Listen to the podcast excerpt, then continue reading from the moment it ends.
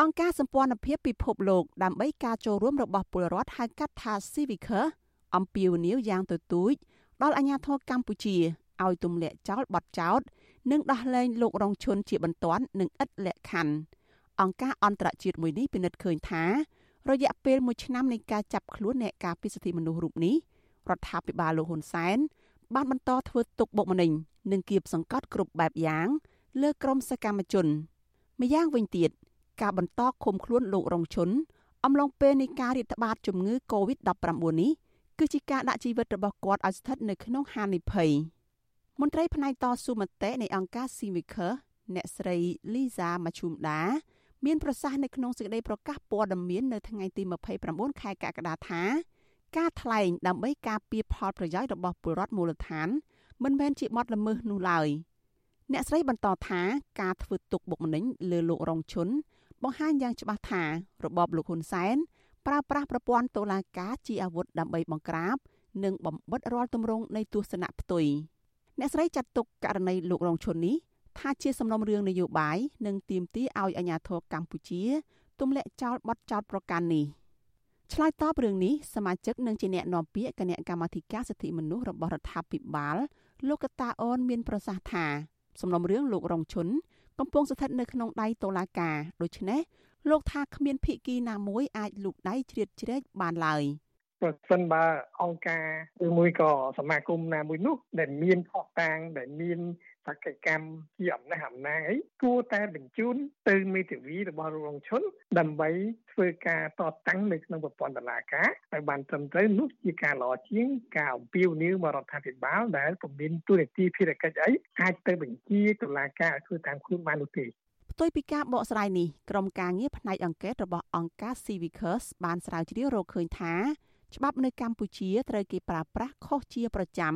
ដើម្បីរឹតបន្តឹងសេរីភាពពលរដ្ឋ គៀបសង្កត់និងធ្វើឲ្យសង្គមស៊ីវិលចុះខ្សោយព្រមទាំងដាក់ទោសទណ្ឌទៅលើការអនុវត្តសិទ្ធិសេរីភាពបញ្ចេញមតិរបស់ពលរដ្ឋជាមួយគ្នានេះអ្នកការពារសិទ្ធិមនុស្សសកម្មជនសង្គមស៊ីវិល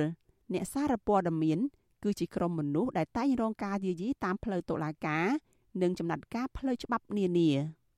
តកតទៅនឹងការស្នើឲ្យមានការដោះលែងលោករងឈុននេះអង្គការសង្គមស៊ីវិលក្នុងស្រុកគាំទ្រសេចក្តីអំពាវនាវនេះ ព្រោះវាស្របទៅនឹងជំហររបស់ពួកគេដែរប្រធានសមាគមគ្រូបង្រៀនកម្ពុជាឯករាជ្យអ្នកស្រីអុកឆាយាវីមានប្រសាសន៍ថា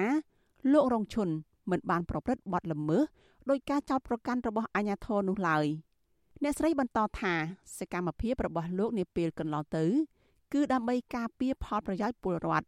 និងជាការអនុវត្តសិទ្ធិសេរីភាព ស្របទៅតាមច្បាប់ខ្ញុំសា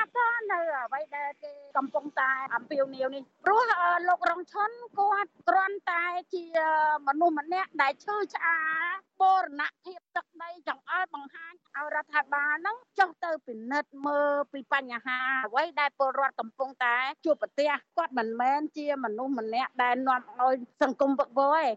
តមកដល់ពេលនេះប្រធានសហភាពសហជីពកម្ពុជានិងជាអ្នកឃ្លាំមើលបញ្ហាព្រំដែនលោករងឈុនបានជាប់ឃុំប្រមាណ1ឆ្នាំមកហើយអញ្ញាធរបានចាប់ខ្លួនលោកកាលពីយប់ថ្ងៃទី31ខែកក្កដាឆ្នាំ2020បន្ទាប់ពីលោក បានរិះគន់រឿងដីធ្លីនៅតំបន់ព្រំដែនកម្ពុជាវៀតណាមនៅក្នុងខេត្តត្បូងឃ្មុំ ដែលពលរដ្ឋអះអាងថាទាហានវៀតណាមបានចូលមករំលោភយកដីទាំងនោះពីពួកគាត់ តុលាការក្រុងភ្នំពេញបានចោទប្រកាន់លោកពីបទញុះញង់ឲ្យមានភាពវឹកវរធ្ងន់ធ្ងរដល់សន្តិសុខសង្គមហើយបានជំនុំជម្រះសំណុំរឿងនេះ3លើករួចមកហើយតុលាការគ្រងជំរះរឿងក្តីនេះបន្តទៀតនៅថ្ងៃទី30ខែកក្កដាការចាប់ខ្លួនលោករងឈុនដាក់ពន្ធនាគារដោយសារតែការបញ្ចេញមតិបានធ្វើឲ្យក្រុមសកម្មជនយុវជន និងសមាជិកអង្គការសង្គមស៊ីវិលមួយចំនួនផ្ទុះការតវ៉ាអញ្ញាធរ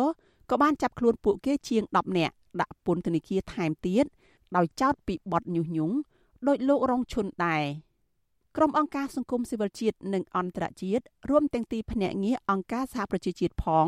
បាននាំគ្នាថ្កោលទោសករណីទាំងនេះនិងបានទាមទាររបបលោកហ៊ុនសែនដោះលែងអ្នកជាប់ឃុំទាំងអស់នោះឲ្យមានសេរីភាពវិញក្រោមហេតុផលថាការបញ្ចេញមតិនិងការតវ៉ាដោយសន្តិវិធីមិនមែនជាបទល្មើសនោះឡើយ នេះខ្ញុំសុជីវីវិទ្យុអាស៊ីសេរីពីរដ្ឋធានី Washington